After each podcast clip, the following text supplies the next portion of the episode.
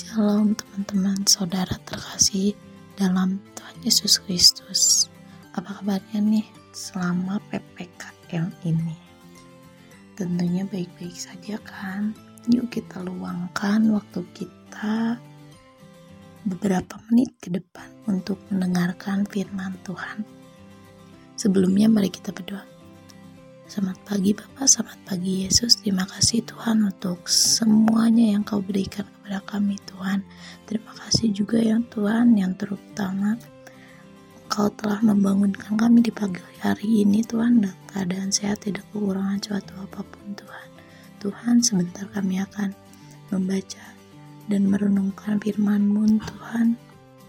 Biar Engkau sertai pikiran dan hati kami Tuhan supaya kami bisa memahaminya Tuhan supaya kami bisa mengaplikasikannya dalam kehidupan kami sehari-hari Tuhan terima kasih Tuhan. Terima kasih Yesus. Biar kehendak Engkau yang jadi bukan kehendak kami. Dalam nama Tuhan Yesus kami sudah berdoa dan mengucap syukur. Amin. Teman-teman tema renungan kita hari ini yaitu bersama Tuhan. Ketika kita mengaku bahwa kita menerima Tuhan di hidup kita, maka dari situ kita sedang memulai sebuah hubungan yang baru dengan Tuhan, yaitu hubungan pribadi. Apakah membangun sebuah hubungan cukup hanya dengan mengenalnya sekali dalam seminggu? Tidak, bukan. Membangun hubungan adalah sebuah proses terus-menerus Menerima Tuhan bukan hanya mengatakan bahwa kita mempercayainya, tapi kita memiliki kerinduan mengenalnya lebih dalam lagi. Seperti apa sih sebenarnya sifat Tuhan Yesus itu?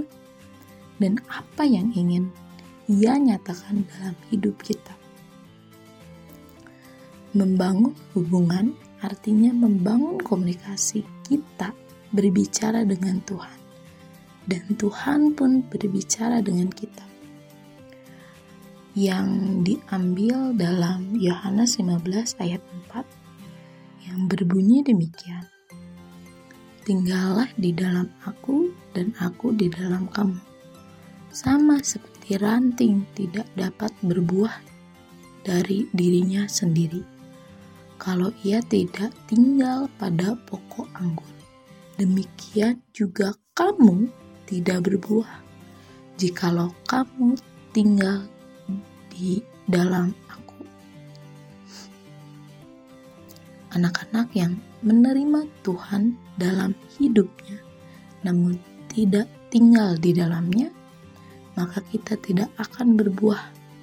Lebih daripada itu, kita akan merasa kekeringan, seperti tidak minum berhari-hari. Kita akan merasa hampa, kehilangan energi, dan tidak tahu arah tujuan. Namun, jika kita hidup bersama Tuhan, tiap-tiap hari dapat berubah suatu pengalaman yang menyenangkan dan penuh kegairahan. Tentunya kita pasti pernah mengalami masa-masa di mana kita mulai jauh dari Tuhan dan kehilangan arah. Maka sebaiknya kita segera memperbaiki hubungan kita dengan Tuhan. Ada tiga hal yang sangat sederhana, tapi paling penting untuk kita. Yang pertama, ketika kita ingin berbicara dengan Tuhan, maka kita berdoa apa saja yang kita doakan, segala hal, semua hal, apa pun yang sedang kita alami, yang sedang dipikirkan, apa kita sedang mengingat teman, mengingat keluarga, bahkan melihat kondisi negara kita. Nyatakanlah semuanya di dalam doa. Percayakan kepada Tuhan, artinya kita bisa menceritakan apa pun kebedakinya kepadanya. Langkah kedua adalah mengizinkan Tuhan untuk berbicara kepada kita. Dan saatnya kita yang mendengarkan Tuhan. Bagaimana caranya? Tuhan berbicara kepada kita melewati firman-Nya di Alkitab. Tidak perlu kita buru-buru dalam berbicara atau membaca, melainkan pahami satu persatu pesan Tuhan untuk kita. Lalu yang terakhir, hubungan kita tidak boleh terputus dari Tuhan. Maka harus ada komitmen. Nah, teman-teman, coba sekarang kita ambil satu waktu di mana kita memberi waktu untuk Tuhan bisa di waktu pagi ataupun di waktu malam durasinya pun bisa beberapa menit yang kita inginkan yang kita bisa yang kita mampu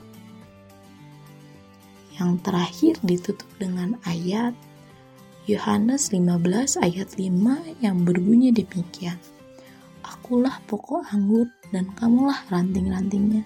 Dan barang siapa tinggal di dalam aku dan aku di dalam dia, ia berbuah banyak. Sebab di dalam di luar aku kamu tidak dapat berbuat apa-apa. Nah, di ini teman-teman kita diingatkan lebih lagi kalau kita di dalam Tuhan kita memiliki arti. Kalau kita di luar Tuhan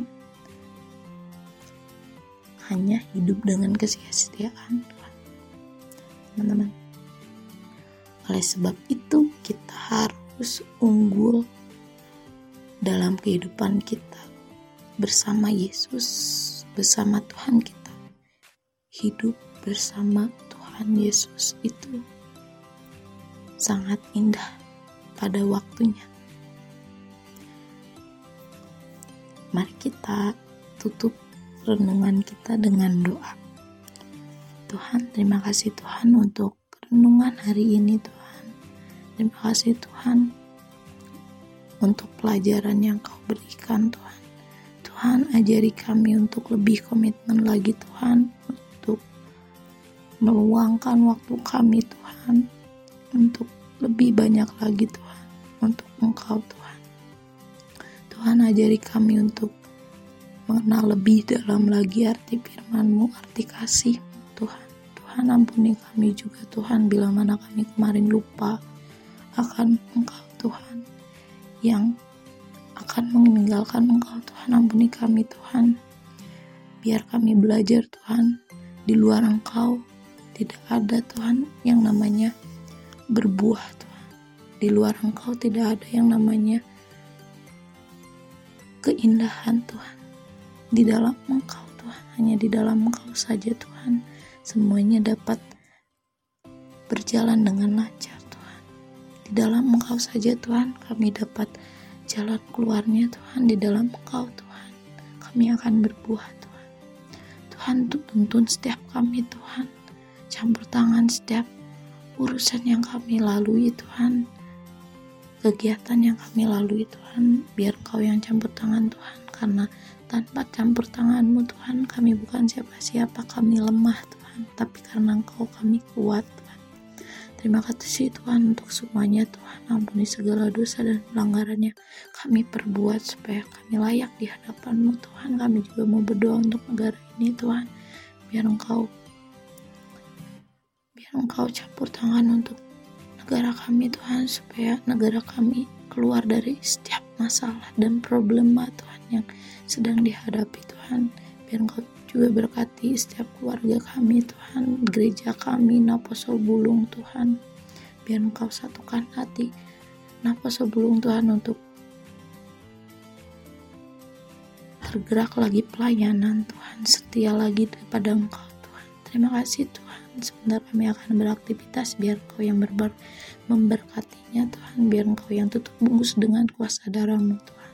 Biar engkau yang sempurnakan doa kami Tuhan. Biar kehendak engkau yang jadi bukan kehendak kami. Dalam nama Tuhan Yesus kami sudah berdoa dan mengucap syukur. Amin